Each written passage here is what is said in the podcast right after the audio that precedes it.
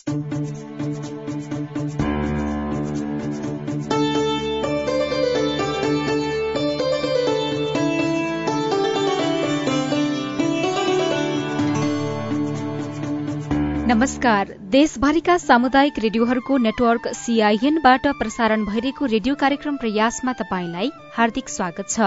यो कार्यक्रम डब्लूडब्लूडब्लू dot CIN खबर डट कम सीआईएनएफ र सीआईएनको फेसबुक पेज सीआईएन खबर साथै सुर्खेत र धनुषाका विभिन्न सामुदायिक रेडियोसँगै देशैभरका तीन सय भन्दा बढ़ी सामुदायिक रेडियोबाट सुन्दै हुनुहुन्छ। कार्यक्रमको साथमा छु म उषा तामाङ। यो परियोजना युरोपियन युनियनको आर्थिक सहयोगमा voluntary service overseas VSO Nepal युवा संस्था सञ्जाल ion friend service council Nepal FSCN र सामुदायिक रेडियो प्रसारक संघ अकुराबको सहकार्यमा तयार पारिएको हो।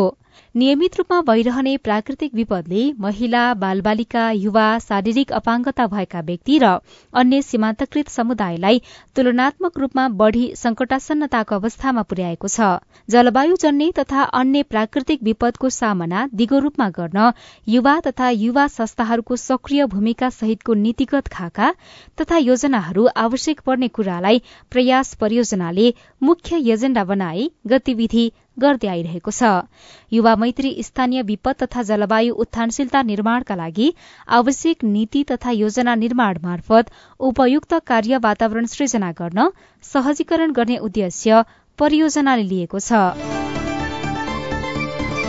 आज राष्ट्रिय युवा दिवस। आजको कार्यक्रममा हामी निर्णायक तहमा युवाको सहभागिता र नेतृत्व विषयमा छलफल गर्दैछौ।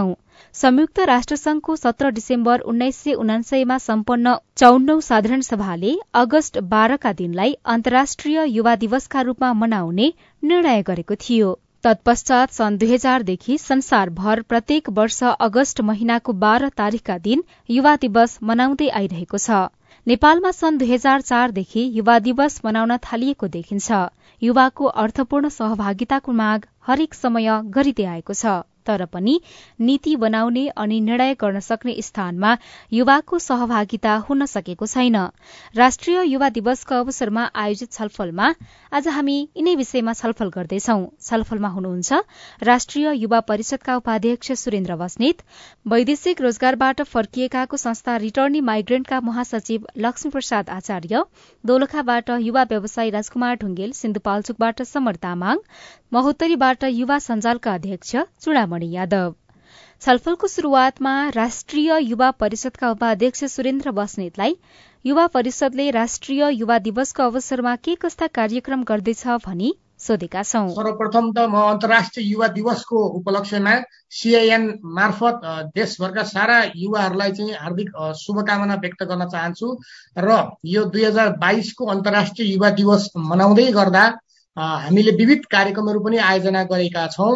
सन् उन्नाइस सय उनासयदेखि संयुक्त राष्ट्र सङ्घको निर्णय अनुसार हरेक वर्षको अगस्त बाइस तारिकलाई अन्तर्राष्ट्रिय युवा दिवसको रूपमा विश्वभरका युवाहरूले सरकारी क्षेत्रले गैर सरकारी क्षेत्रले युवा अभियन्ताले सबैले मनाउँदै आएको परम्परा छ र हाम्रो देशको सन्दर्भमा पनि हामीले चाहिँ अन्तर्राष्ट्रिय युवा दिवसलाई सन् दुई हजार चारदेखि नै मनाउँदै आएका छौँ र यो दिवसलाई युवाहरूको जागरणको निम्ति युवाहरूको अधिकारको निम्ति युवाहरूको सशक्तिकरणको निम्ति युवाहरूको नेतृत्व विकासको निम्ति सिप सिप विकासको निम्ति क्षमता विकासको निम्ति छलफल गर्ने बहस गर्ने पैरवी गर्ने र नीति निर्माणकारी तहलाई चाहिँ एउटा राम्रो फिडब्याक दिने हिसाबले एउटा उत्सवमय तरिकाले मनाइने गरिएको छ।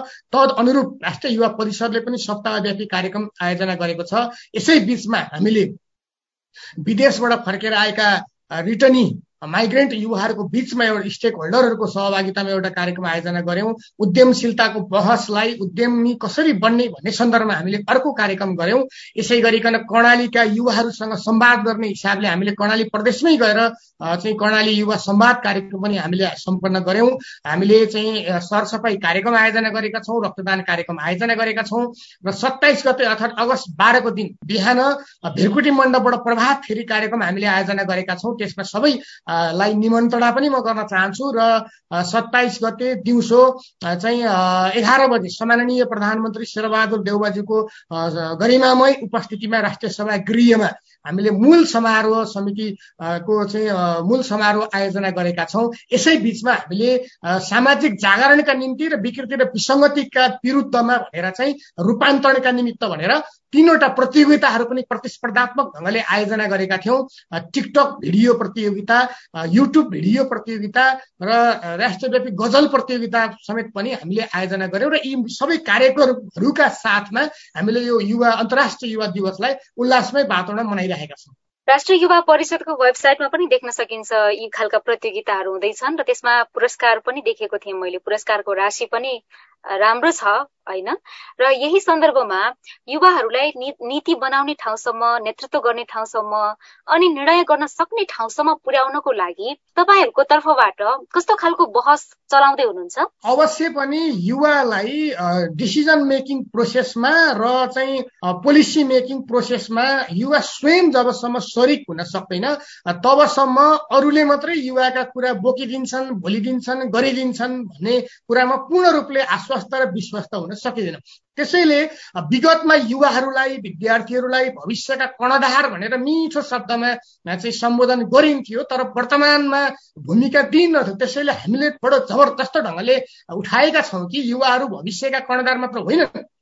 वर्तमानका जबरजस्त अंशियार हुन् जबरजस्त साझेदार हुन्। त्यसो भएको हुनाले राज्यका नीति निर्माणका हरेक अङ्गमा हरेक तहमा राष्ट्रिय जीवनका हरेक क्षेत्रमा चाहिँ युवाहरूलाई समानुपातिक ढङ्गले मुलुकमा कुल जनसङ्ख्यामा युवाको प्रतित्व जति प्रतिशत छ चाहिँ राष्ट्र जीवनका हरेक क्षेत्रमा त्यति नै प्रतिशत युवाहरूलाई भावनामा शब्दमा मात्र होइन ऐनद्वारा कानुनद्वारा संविधानद्वारा नै सुनिश्चित गरेर ग्यारेन्टी गरेर जबसम्म युवालाई सरी गराइँदैन तबसम्म युवाको आवाज ठिक ढङ्गले मुखरित हुन सक्दैन भन्ने हामीलाई लाग्छ।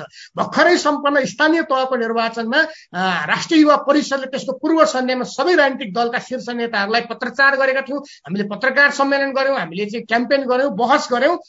राम्रो कुरा भयो कि चालिस प्रतिशत नै उम्मेदवारी त्योभन्दा बढीले पाउनुभयो र त्यति मात्र भएन कि स्थानीय तहमा त विजेता पनि लगभग चालिस प्रतिशत भन्दा पनि बढी हुनुभयो।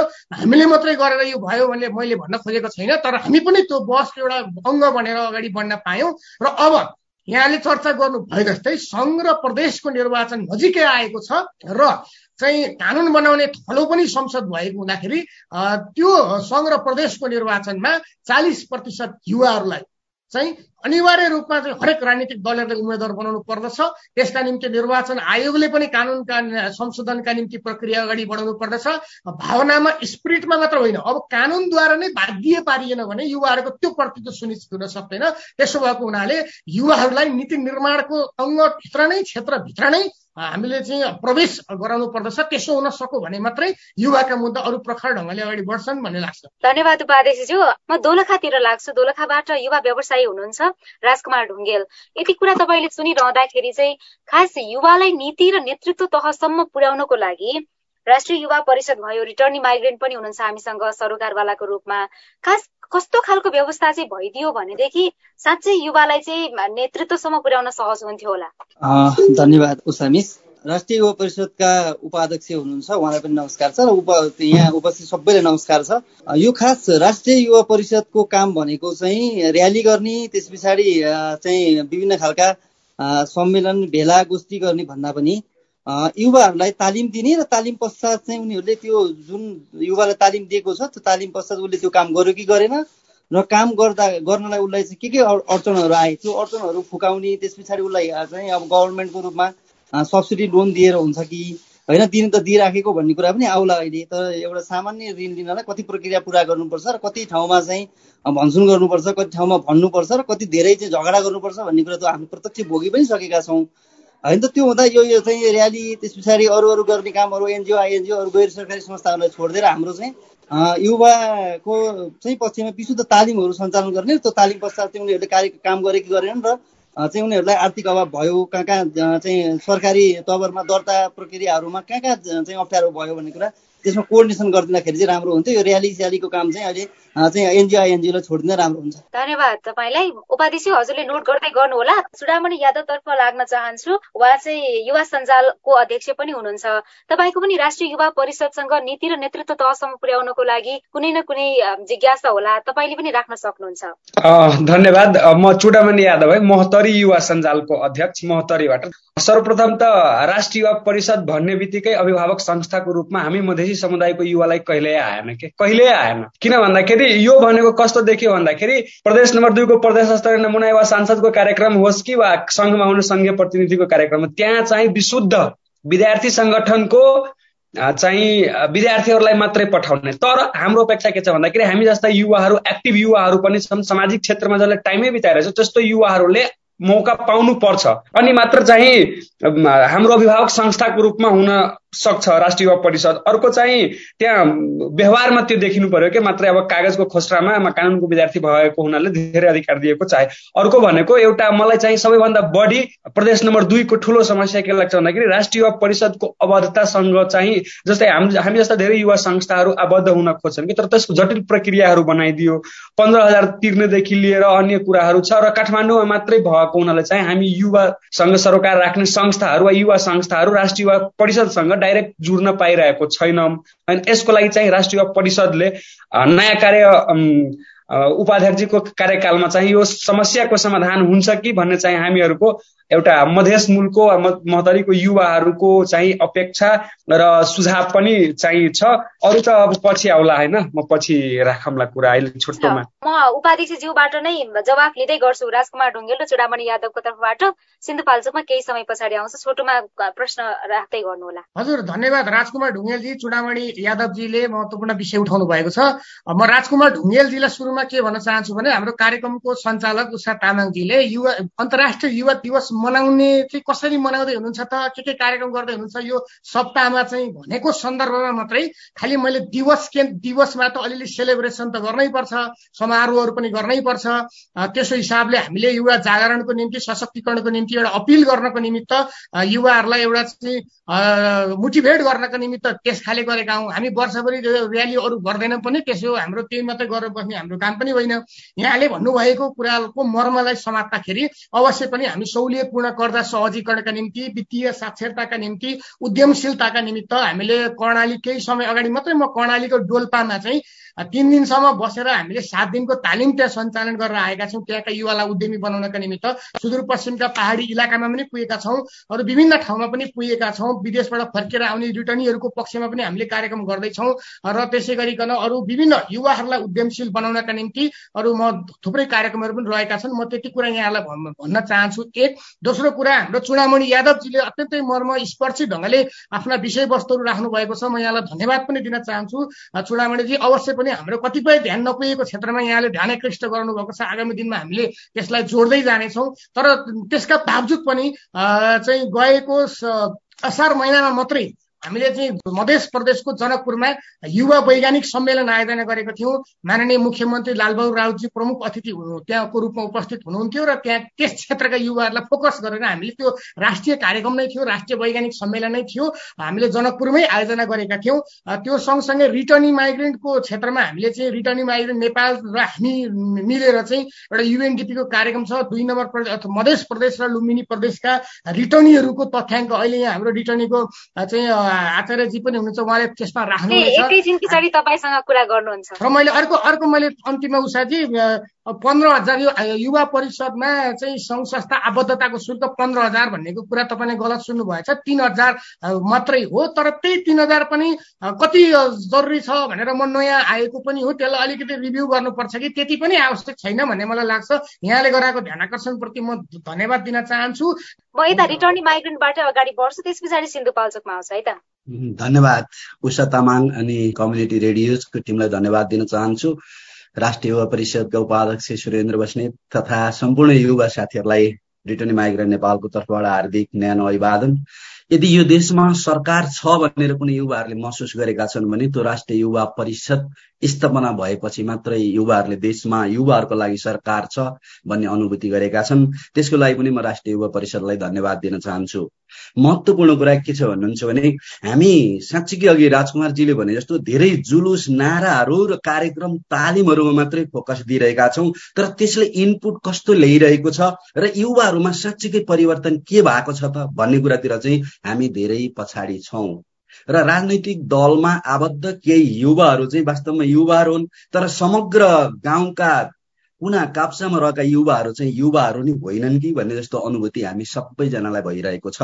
त्यसकारण म उपाध्यक्ष सुरेन्द्र बस्नेतको ध्यान आकर्षण गराउँदै के भन्न चाहन्छु भने यदि युवाहरूलाई साँच्चीकै केही गर्ने बनाउने र नीति निर्माण गर्ने ठाउँमा पुर्याउनुहुन्छ भने युवालाई पहिले मेरो हक र अधिकार के हो भन्ने कुरा बुझाउन जरुरी छ। युवाहरूको सोच बदल्न एकदमै जरुरी छ। जबसम्म हामीले सोच बदल्दैनौँ म के हो र किन मेरो उद्देश्य र लक्ष्य के हो भन्ने कुरा हामी उनीहरूलाई बुझाउन सक्दैनौ। मेरो अधिकार के हो? सूचनाको हक भनेको के हो? मैले राज्यबाट के पाउन सक्छु भन्ने कुराको जानकारी जबसम्म हामीले दिँदैनौँ तबसम्म यी कार्यक्रमहरू सबै निष्फिक्री हुन्छन् र पैसाको नाश मात्रै हुन्छ। विगत पाँच वर्षदेखि मैले अडसठीवटा जिल्लामा यिनै कार्यक्रममा लाखौँ युवाहरूसँग गइरहेको छु। भन्नुपर्दा यो लकडाउनमा झन्नै सन्ताउन्न हजार युवाहरूलाई मैले मोटिभेसनको तालिम पनि दिइसकेको छु।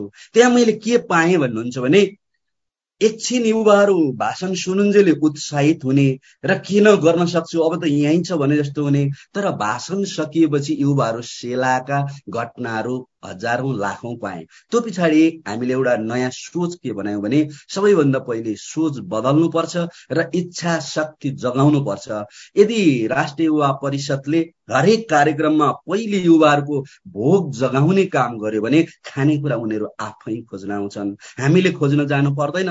जब भोक नै लाग्दैन उनीहरूलाई भोक नै जगाउन सकिँदैन खाए खाऊ नखाए खाऊ भनेर दियो भने वास्तवमा त्यसले काम गर्दैन। एकदमै छोटो समय छ। उपाध्यक्षज्यू हतारिरहनु भएको छ। अन्तिममा तिस सेकेन्ड मात्रै समय लिन्छु। तपाईँ हामी सबैजनाको घरको छतमा ठुला ठुला ट्याङ्कीहरू राखिएका छन्।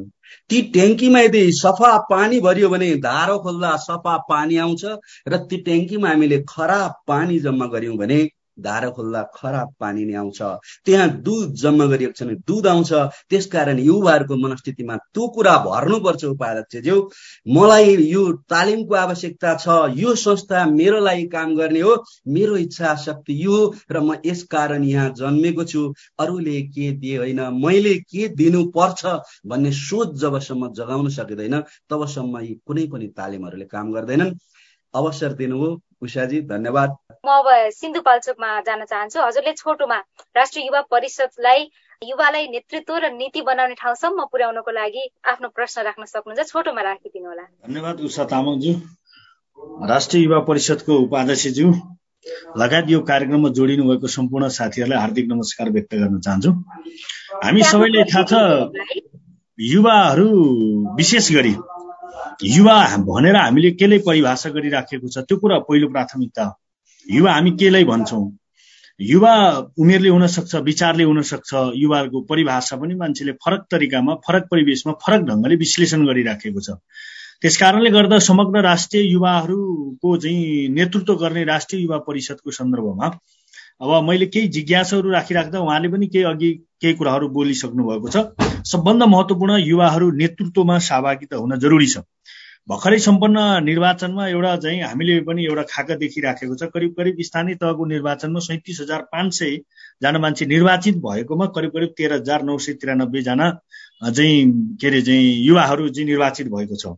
राष्ट्रिय दुई हजार पचहत्तर सालको सम्पन्न के अरे चाहिँ निर्वाचनमा हेर्दाखेरि हामीले प्रतिनिधि सभा र चाहिँ प्रतिनिधि सभामा प्रत्यक्ष र समानुपाती गरेर करिब करिब दुई सय पचहत्तरजना मध्येमा छब्बिस छत्तिसजना मात्रै युवाहरू निर्वाचित हुनुभएको छ। र त्यसपछि अर्को राष्ट्रिय सभामा भन्ने हो भने उना साठी मध्येमा जम्मा चारजना मात्रै छ।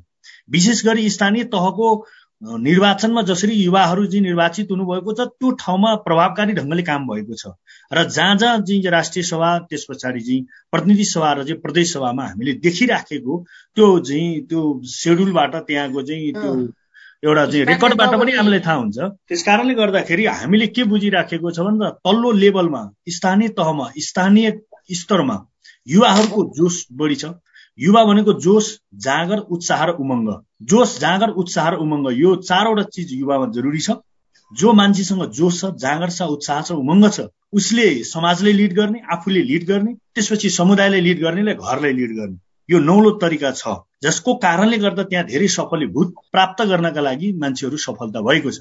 तर अहिले मैले भने तपाईँहरूलाई प्रतिनिधि सभा राष्ट्रिय सभा र चाहिँ प्रदेश सभामा जो साथीहरू निर्वाचित हुनुभएको छ उहाँहरू चाहिँ युवा उमेर कटिसकेका व्यक्तित्वहरू हुनुहुन्छ जसको कारणले गर्दाखेरि चाहिँ यो अवस्था सिर्जना भएको छ। तपाईँले देख्नुहुन्छ चौहत्तर पचहत्तरको वैदेशिक रोजगारको चाहिँ बाहिर गएकै युवाहरू हेर्ने हो भने तिस लाख तिन लाख चार हजार छ सय उनासाठीजना त पुरुषहरू जानुभएको छ। महिलाहरू मात्रै त्यहाँ चाहिँ उन्नाइ उन्नाइस हजार तिन सय आठजना मान्छेहरू वैदेशिक रोजगारमा एउटै सालमा चाहिँ जानुभएको छ। अब तथ्याङ्कले हिसाब गरिँदाखेरि जो मान्छेहरूले अहिले पनि खासमा तपाईँहरूको यो तालिमले गोष्ठीले यो त जन्मेको मन जलिरहन्छ यो एउटा यातायात सरर चलिरहन्छ भने जस्तो हाम्रो चाहिँ अनन्तकालसम्म यो गोष्ठी सम्मेलन भेलाहरू चलिराखेको छ। मलाई लाग्छ आज पनि हामी यहाँ गफ गरिराखेको छ तिस हजार ठाउँभन्दा बेसी ठाउँमा नेपालमा यस्ता खारे कार्यक्रमहरू सञ्चालन भइराखेको हुँदो हो। तर तिनले कसरी चाहिँ परिणाम प्राप्त गर्न सक्यो? त्यस कारणले गर्दाखेरि त्यो प्रमुख चिज हामीले कार्यक्रम हाम्रो क्रियाकलाप हामीले कति गर्न सक्यो भन्ने कुरा होइन। हामीले उपलब्धि कति हासिल गर्न सक्यो? त्यो प्रधान चिज हो। त्यो तालिम गोष्ठीहरू चाहिँ यो सेमिनारहरू भने गौण चिज हो उपलब्धि प्रधान चिज हो। त्यस कारण त्यो चिजलाई हामीले राष्ट्रिय युवा परिषदले चाहिँ कस्तो खालको भूमिका खेलिदियो भनेदेखि युवालाई साँच्चै नीति र नेतृत्व तहसम्म पुर्याउन सकिन्छ छोटोमा भनिदिनुहोस् न। अब राष्ट्रिय युवा परिषद अहिले अब सबै हिसाबले युवाहरूको नेतृत्व भनेर चिनिन्छ। मैले अघि नै भने सबैभन्दा पहिलो चाहिँ मैले सुरुमै फोकस गर्नुको कारण नेतृत्व नै हो। प्रमुख चिज नेतृत्व हो। त्यसकारण उसले नेतृत्व गर्न सक्नु पर्यो। त्यो नेतृत्व कहाँ गर्न सक्नु पर्यो भन्दा राष्ट्रिय नीति निर्माण र त्यस पछाडि त्यसमा सहभागिता पनि हुनु पर्यो नेतृत्व पनि लिन सक्नु पर्यो। दुईटा चिज नेतृत्व त्यस पछाडि सहभागिता। युवालाई गराउन सक्छ या सक्दैन। राष्ट्रिय युवा परिषदले। गर्न सक्यो औचित्य पुष्टि भयो। गर्न सकिने सकिएन त औचित्यता पुष्टि गर्न सकिँदैन। त्यस कारणले गर्दा यो दुईटा चिजमा चाहिँ बहुत से बहुत ध्यान दिन सकेर उसैले लिएर चाहिँ नीतिप्रति नेतृत्व गर्न सक्यो भने पुष्ट्याइ हुन्छ अन्यथा चाहिँ त्यो उसको आफ्नो काम सधैँभरि उसले अधुरो रहेको देखिन्छ। मेरो कुरा यही हो। हुन्छ।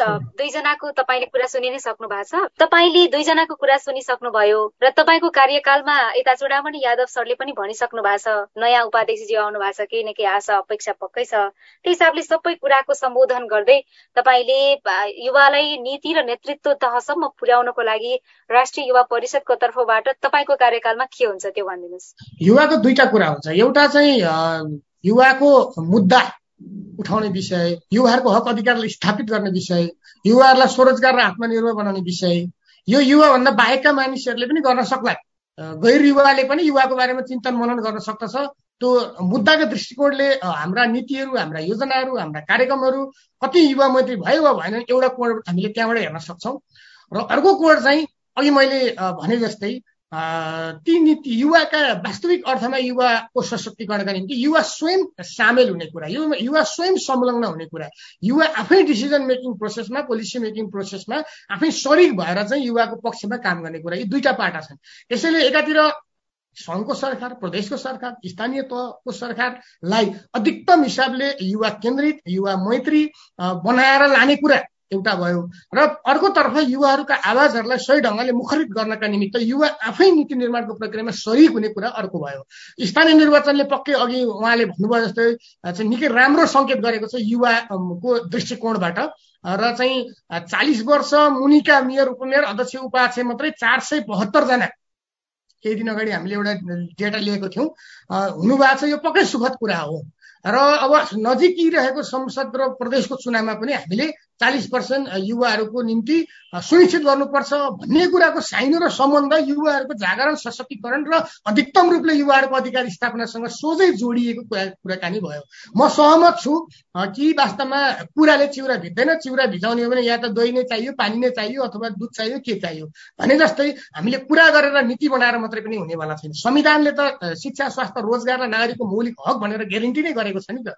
त्यसो गर्दाखेरि त्यो अधिकारलाई चाहिँ हामी तिनवटा दुईटा तहको चुनाव सम्पन्न भयो अब संविधान कारण भयो भनेर हामी जो बस्ने गर्दछौँ म योसँग असहमत छु। युवालाई रोजगारीको मौलिक हक भनेर जब संविधानले नै ग्यारेन्टी गरिएको छ भने त्यो अधिकारलाई कार्यान्वयन नगर्दासम्म हाम्रो संविधान कसरी कार्यान्वयन भएको मान्न सकिन्छ त? अनि संविधान कार्यान्वयन भएन भने त भोलि संविधानमाथि प्रश्न उठ्छ नि त। अनि संविधानमाथि प्रश्न उठ्यो भने त भोलि त्यसले फेरि अर्को द्वन्द्वको विचारोपण गर्न सक्छ नि त। त्यसो भएको हुनाले हामीले जुन मूल्यका साथ जुन मर्मका साथ संविधानमा हामी जे लेखेका छौँ अधिकार प्राप्तिको लडाइँमा जसरी हामीले एउटा श्रेष्ठता हासिल गरेर त्यसलाई संविधानमा प्रतिबिम्बित गर्न हामी सफल भएका छौँ।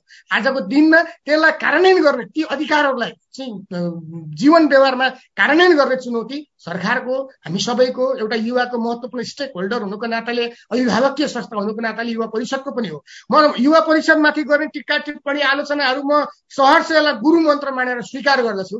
हो युवा परिषद धेरै पुरा लामो पनि भएको छैन यो बहत्तर सालमा स्थापना भएको संस्था हो।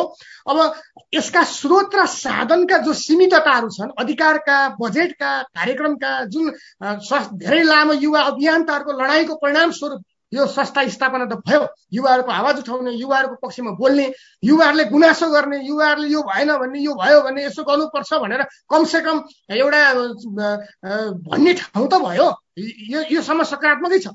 हामी आफै पनि सन्तुष्ट छैनौँ। हामी किनभने र त्यसका कारण पनि छन्। जति सुरक्षा जति साधन छ त्यसभित्र रहेर अधिकतम रूपले हामीले चाहिँ काम पक्षमा काम गर्ने कोसिस त गरेका छौँ।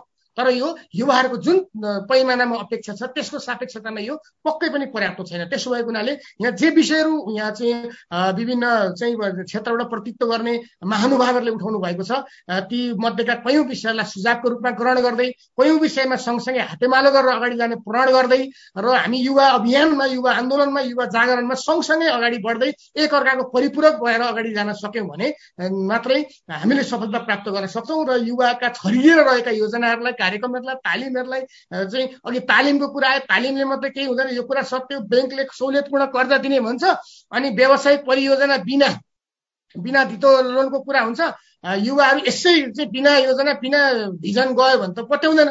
यसो गर्दा युवाहरूलाई व्यवसायिक परियोजना बनाउने सक्षम युवाको रूपमा उद्यमी युवाको रूपमा वित्तीय हिसाबले आधारभूत रूपमा साक्षर युवाको रूपमा त हामीले युवाहरूलाई त्यस रूपमा तयार पनि पर्नु पार्नु पर्दछ त्यसो भएर यी तमाम कुराहरू गर्नका निमित्त हामी आगामी दिनमा हातेमालो गरेर नै अगाडि बढ्नेछौँ भन्ने कुराको अपेक्षा गर्दै आज अलिकति समय अब यसैमा एउटा मात्रै जोड्न चाहन्छु एउटा मात्रै जस्तो प्रदेश र प्रतिनिधि सभाको निर्वाचन मङ्सिर चार गते हुने भनेर घोषणा गरिएको अवस्थामा युवालाई राष्ट्रिय सभा प्रदेश सभा प्रतिनिधि सभासम्म पुर्याउने कुरा उठिरहेको अवस्थामा यसमा राष्ट्रिय युवा परिषदको तर्फबाट तपाईँको भूमिका कस्तो हुन्छ र तपाईँको कार्यकालमा कति युवा चाहिँ निर्वाचित भयो भनेर भोलि पर्सि डाटा सुनाउनलाई हामीले पनि पाउँछौँ होला त्यो मात्रै छोटोमा भनिदिनुहोस् होइन त्यो एउटा अभियान हो क्याम्पेन हो जागरण हो अब हामीले हामी आफै त्यसका चाहिँ अन्तिम निर्णयकर्ता होइनौँ र हामीले पनि अब वास्तवमा कानुनको कुरा पनि आउँछ चाहिँ संविधानको कुरा पनि आउँछ निर्वाचन आयोगको कुरा पनि आउला तर विभिन्न राजनीतिक दलका शीर्ष नेतृत्वहरूलाई हामीले औपचारिक निर्णय गरेर चाहिँ युवाहरूको आम युवाहरूको साथमा चाहिँ हामी अनुरोध गर्छौँ आग्रह गर्छौँ अपिल गर्छौँ एउटा राष्ट्रव्यापी माहौल सिर्जना गर्ने प्रयत्न गर्छौँ। युवाहरूको सँग हातेमालो गरेर हरेक राजनीतिक दलभित्र क्रियाशील युवाहरूलाई हामीले केही समय पश्चात नै चाहिँ अहिले यही बिचमा गर्ने कोसिस गरेका थियौँ। युवा आसन्न निर्वाचनमा युवाका मुद्दा र युवा प्रतित्वको सवाल। यो विषयमा हामीले स्टेक होल्डरहरूसँग चाहिँ टिकट लिने खालका युवाहरूलाई टिकट दिने ठाउँमा बसेका अधिकारीहरूलाई एकै ठाउँ जम्मा गरेर पनि त्यो दबाव हामी चाहिँ सृष्टि गर्ने प्रयत्न गर्छौँ। र समग्रमा युवाको पक्षमा हामी निरन्तर प्रयत्नशील रहने छौँ। धन्यवाद। महोत्तरीबाट जिल्ला युवा सञ्जालका अध्यक्ष हुनुहुन्छ चुडामणि यादव। तपाईँहरूले कस्तो खालको भूमिका निर्वाह गरिराख्नु भएको छ? राष्ट्रिय युवा दिवसकै सन्दर्भमा पनि थोरै भन्नुभए पनि हुन्छ।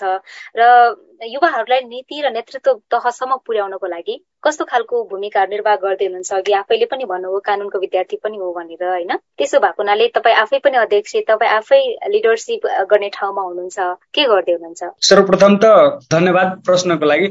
वास्तवमा जुन समुदायको युवाको मैले प्रतिनिधित्व गरिरहेको छु। त्यो हाम्रो देशमा सदैवदेखि पीडित शोषित भनेर भनिएको समुदाय मधेसी समुदाय चाहिँ पर्छ। त्यसमा चाहिँ अहिले हामीहरूको नयाँ ट्रेन्डमा हेऱ्यौँ भने सङ्घ संस्थाहरू धेरै जन्मिन्छन् आउँछन् जान्छन् कामहरू भइरहन्छन् तर मधेसी युवाहरूको नेतृत्व सङ्घ संस्थाहरूमा स्वीकारिँदैन।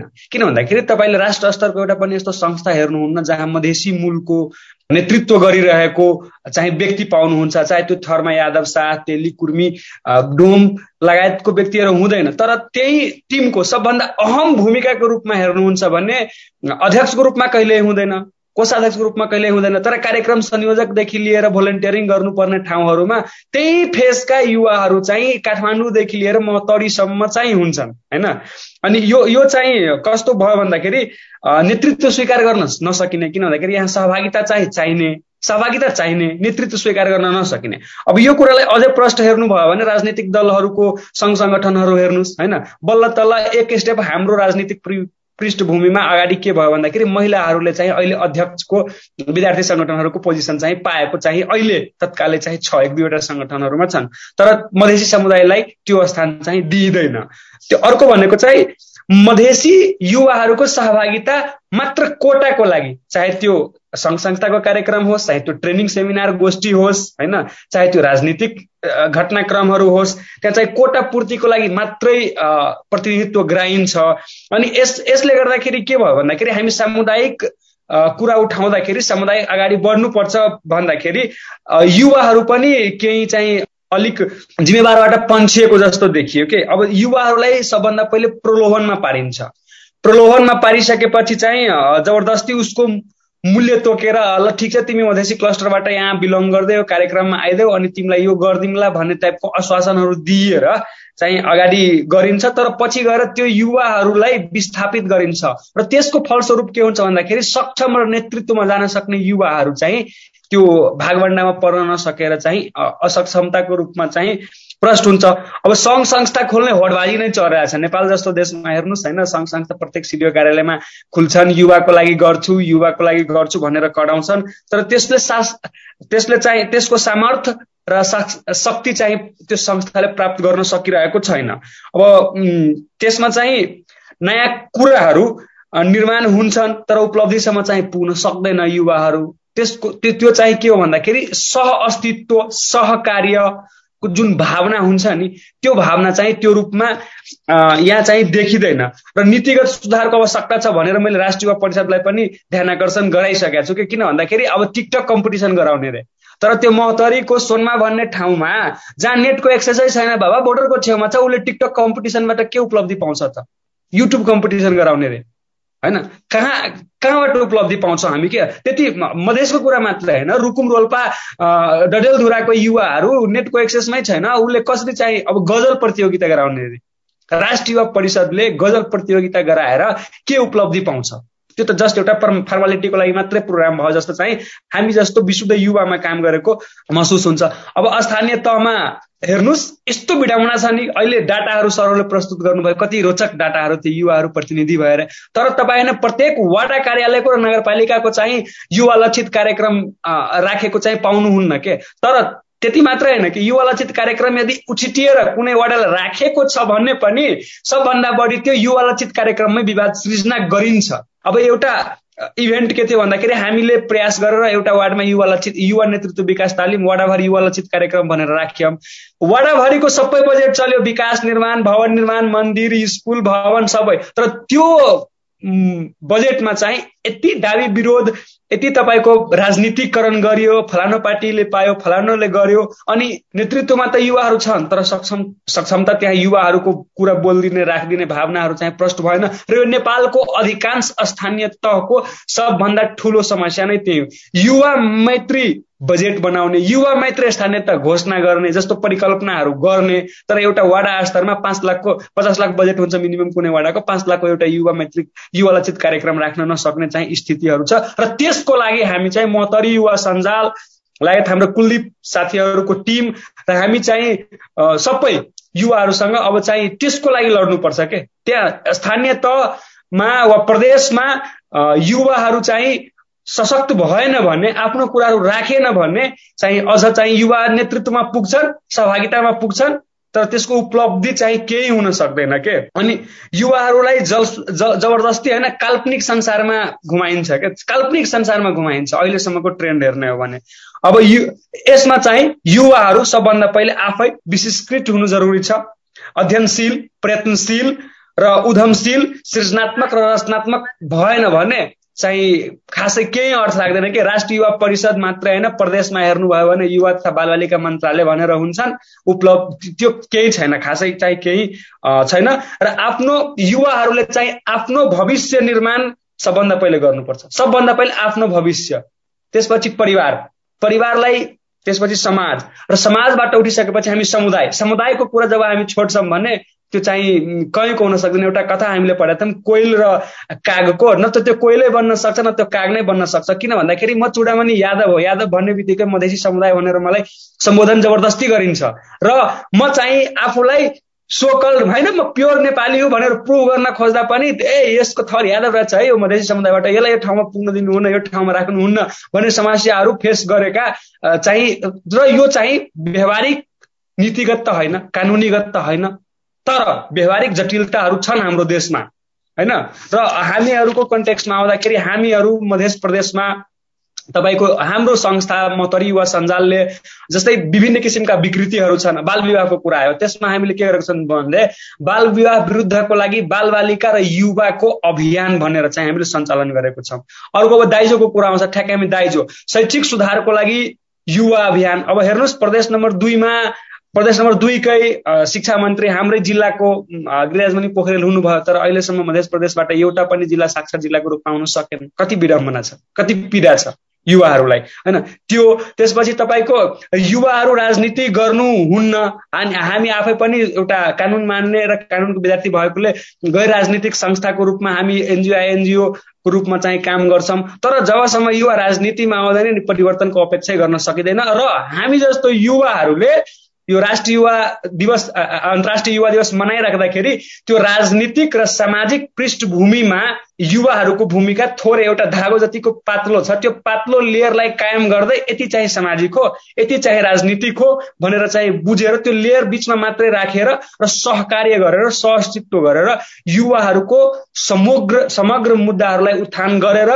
र महतरीको युवाहरूलाई रुकुम रोल्पा जाजरकोट हुम्ला जुम्ला कालीकोटको युवाहरूले समानताको नजरले हेर्ने बानी चाहिँ अब हामी हाम्रो पुस्ताले चाहिँ बसाल्नुपर्छ र त्यस्तै मधेसको युवाहरूले पनि देशको अन्य भागका सम्पूर्ण युवाहरूलाई मेरै हो हामी छौँ हामी छौँ भन्ने हिसाबले अनुभूति गरेर त्यो फेरि म नीतिगत कानुनी कुराहरू गर्न खोजिरहेको छैन। त्यो प्रष्ट रूपमा र व्यवहारिक तौरमा हुनु पर्यो। व्यवहारिक तौर तरिकामा जबसम्म आउँदैन नि तबसम्म चाहिँ यो अपेक्षाहरू चाहिँ युवाहरूको कुराहरू चाहिँ भावनात्मक रूपमा जबसम्म सटासाट हुँदैन बुझ्न सकिँदैन तबसम्म चाहिँ समाधान हुँदैन। अब यही हेर्नु संस्थाहरू छ इमिग्रेन्टमा काम गर्ने संस्थाहरू छ तर हामी चाहिँ के भन्छौँ भन्दाखेरि अब आउनुहोस् हामी जस्तो युवाहरूसँग हातेमेलो गरौँ किन भन्दाखेरि सबभन्दा बढी वैदेशिक रोजगार प्रदेश नम्बर दुईमा छ। तर हामीलाई आज तपाईँले संयोगवश यो कार्यक्रममा चाहिँ उहाँलाई सहभागी गराएर चिन्जान हुने अवसर मिल्यो। तर ग्राउन्ड लेभलमा हेर्नुभयो भने मतरी युवा सञ्जाल जिल्ला युवा धम्सा लगायतका टिमहरू भन्दा बढी एक्टिभ र भोलन्टियरिङ गर्ने संस्था चाहिँ छैन गर्दैन। तैपनि हामी चाहिँ त्यो संरचनागत र नीतिगत त्यो कुराहरूमा अल्झिएर हामी चाहिँ त्यो ठाउँमा पुग्न सकिरहेको छैनौँ। र धन्यवाद तपाईँको कार्यक्रमको मार्फतले आफ्नो भावनाहरू कुराहरू राख्ने अवसर दिनुभएकोमा र अझै थप केही भयो भने म आफ्नो कुराहरू अवश्य नै राख्ने नै छु। केही छ भने मलाई हुन्छ धन्यवाद अध्यक्षज्यू अब म दोलखामा जान्छु त्यस पछाडि सिन्धुपाल्चोक आएर हामी कार्यक्रमको लगभग समापनै गर्छौँ होला। दोलखामा दोलखाबाट सहभागी भइराख्नु भएका राजकुमार ढुङ्गेललाई चाहिँ मेरो प्रश्न के छ भने यति धेरै कुराहरू छलफलहरू भइरहँदाखेरि हुन त तपाईँहरू यही अभियानमा सँगसँगै हुनुहुन्छ।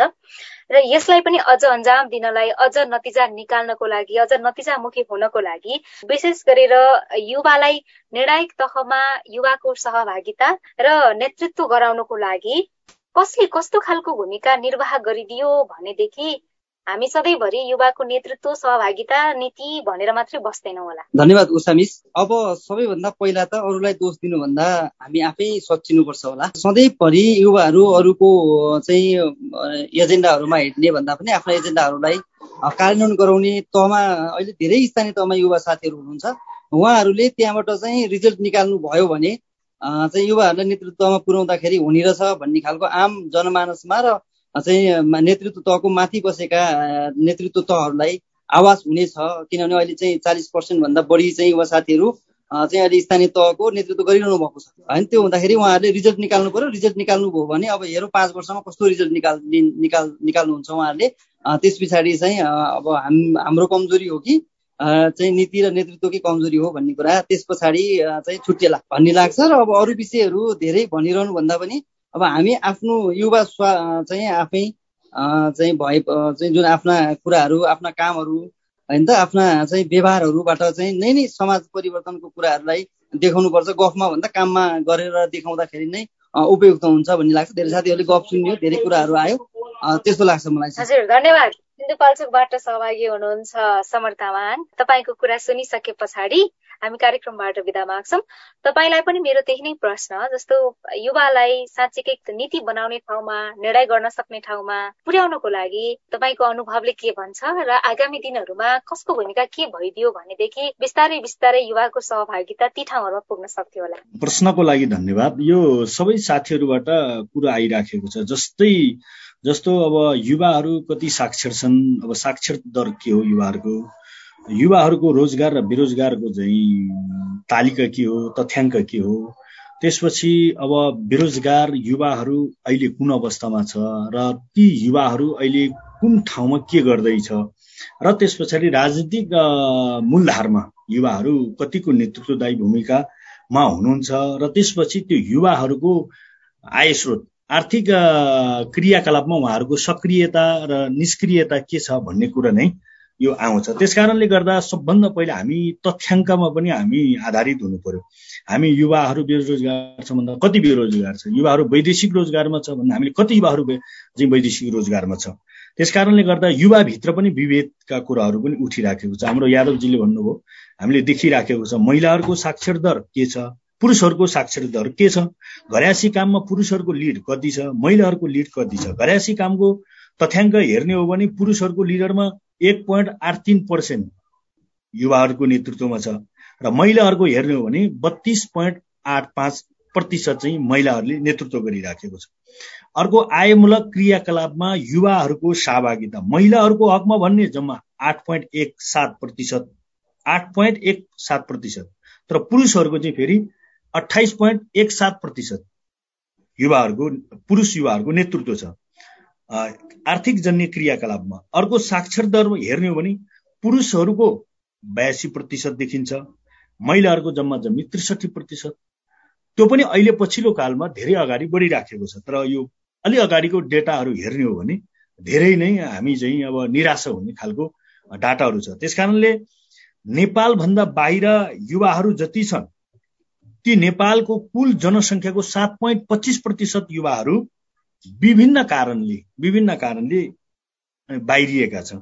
र हामीले जम्मा युवाहरूलाई हेर्दाखेरि बाह्र हजार चौहत्तरजना चाहिँ युवाहरू रोजगारमा देखिन्छ डाटाको हिसाबले। र अर्को बेरोजगार चाहिँ तिन हजार पैँतालिसजना चाहिँ बेरोजगार देखिन्छ। डाटाको हिसाबले भन्दैछु है फेरि। त्यस कारणले गर्दाखेरि मैले अघि नै पनि भने नेतृत्वको हिसाबले त अब स्थानीय तहमा धेरै सन्तोषजनक अवस्थामा पाइन्छ। जहाँ चाहिँ पैँतिस हजार सात के अरे पाँच सयजना मध्येमा तेह्र हजार आठ सय छैनब्बेजना त युवा नै निर्वाचित भएको छ। अब माथि अलिकति जहाँ प्रदेश सभाहरू चाहिँ राष्ट्रिय सभामा जाने बित्तिकै चाहिँ त्यो स्वाटै फेरि घट्छ। किन भन्दा देशको मूल कानुन निर्माण गर्ने देशले मूल लिड गर्ने ठाउँ त्यहाँ हो त्यस कारणले गर्दाखेरि यो अवस्था छ। अब राष्ट्रिय सभामा उनासाठी मध्येमा जम्मा चारजना प्रतिनिधि सभामा समानुपातिक सहित गरेर दुई सय पचहत्तरजनामा जम्मा छत्तिसजना। यो कारणले गर्दाखेरि हामीले हेर्ने त्यो हो हामीभित्र युवाहरूभित्र पनि मधेसको हिमालको पहाडको विभिन्न खालका समस्याहरू छन्। त्यसभित्र हेर्ने दृष्टिकोण पनि फरक हुन सक्छ। क्रियाकलापको हिसाबले पनि फरक हुन सक्छ। तर स्थानीय तहको कुरा गर्दा कतिपय ठाउँहरूमा सन्तोषजनक काम भइराखेको छ जहाँ खेलकुद युवा मन्त्रालय गठन गरेर अगाडि बढाइराखेको छ बजेट विनियोजन गर्नको लागि दबाब प्रेसर हामीले गरिराखेको छ त्यस पछाडि त्यो अनुसार नै हामीले क्रियाकलाप गर्न र चाहिँ हामीले त्यो अनुसारको उपलब्धि हासिल गर्नको लागि हामी सफल भएका छौँ। जहाँ हामीले गर्न सकेनौँ तुलनात्मक हिसाबमा त्यहाँ स्वाभाविक हिसाबले पछाडि परिराखेको छ। त्यस कारणले हामी सबैलाई थाहा छ जब प्रेसर दिँदैन अन्तिम धक्का मार्दैन हामीले तबसम्म चाहिँ हाम्रो समस्या जिउको तिउँ रहने नै हो। त्यस कारणले गर्दाखेरि यो अवस्था भइसके पश्चात यो डेटा यो तथ्याङ्क हामीलाई प्राप्त भइसके पछाडि हामीले तथ्याङ्कको आधारमा त्यस पछाडि हाम्रा आगामी दिनमा अघि हजुरले भन्नुभयो नि अब निर्वाचन आसन्न निर्वाचन मङ्सिरको चार गते प्रतिनिधि सभा राष्ट्रिय सभा के अरे चाहिँ प्रदेश सभाको चाहिँ निर्वाचन तोकिसकेको यो वर्तमान परिप्रेक्ष्यमा अब युवाहरूले आफ्नो आफ्नो पार्टीमा सबै धेरै जस्ता मान्छेहरू युवाहरू पार्टीको कार्यकर्ता भए कोही का नेताको कार्यकर्ता भयो एउटा पार्टीको कार्यकर्ता छ एउटा चाहिँ फेरि के अरे चाहिँ नेताको कार्यकर्ता बनेको छ। नेताको झोले बनेको छ उसको समर्थक बनिदिनु पर्ने उसले जे गर्दै पनि ताली बजाइदिनु पर्ने उसका जिन्दाबादका नारा चाहिँ लडाइँको हरेक अग्रम मोर्चामा युवा रहनुपर्ने। चुनाव प्रचारको हिसाबले हेर्नुहोस् झन्डा बोक्ने हिसाबले हेर्नुहोस् त्यसपछि कार्यक्रम सञ्चालन गर्ने हिसाबले हेर्नुहोस् जुलुसमा युवाहरूको सहभागिताको हिसाबले हेर्नुहोस् तर ती युवाहरू चाहिँ फेरि अन्ततगत के हुन्छ भन्दा त्यो एकदमै अन्तिम पोजिसनमा युवाहरू हुन्छ। त्यस पछाडि नेतृत्व तहमा जब युवा हुँदैन निर्माण गर्ने तहमा जब युवा हुँदैन त्यस पछाडि निर्णय गर्ने ठाउँमा छैन नेतृत्व गर्ने ठाउँमा छैन उसको सहभागिता पनि छैन नेतृत्व पनि छैन। उसको मात्रै सहभागिता कहिलेकाहीँ चुनावको जु जुलुसमा देखाइदिन्छ। अघि नै पनि हाम्रो चाहिँ के अरे चाहिँ परिषदका चाहिँ उपाध्यक्षज्यूले भन्नुभयो हामीले यति सेमिनार गरेका छ बैठक गरेका छ।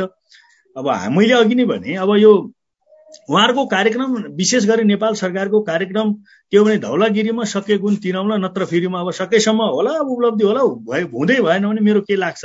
मैले त गरेकै हुँ।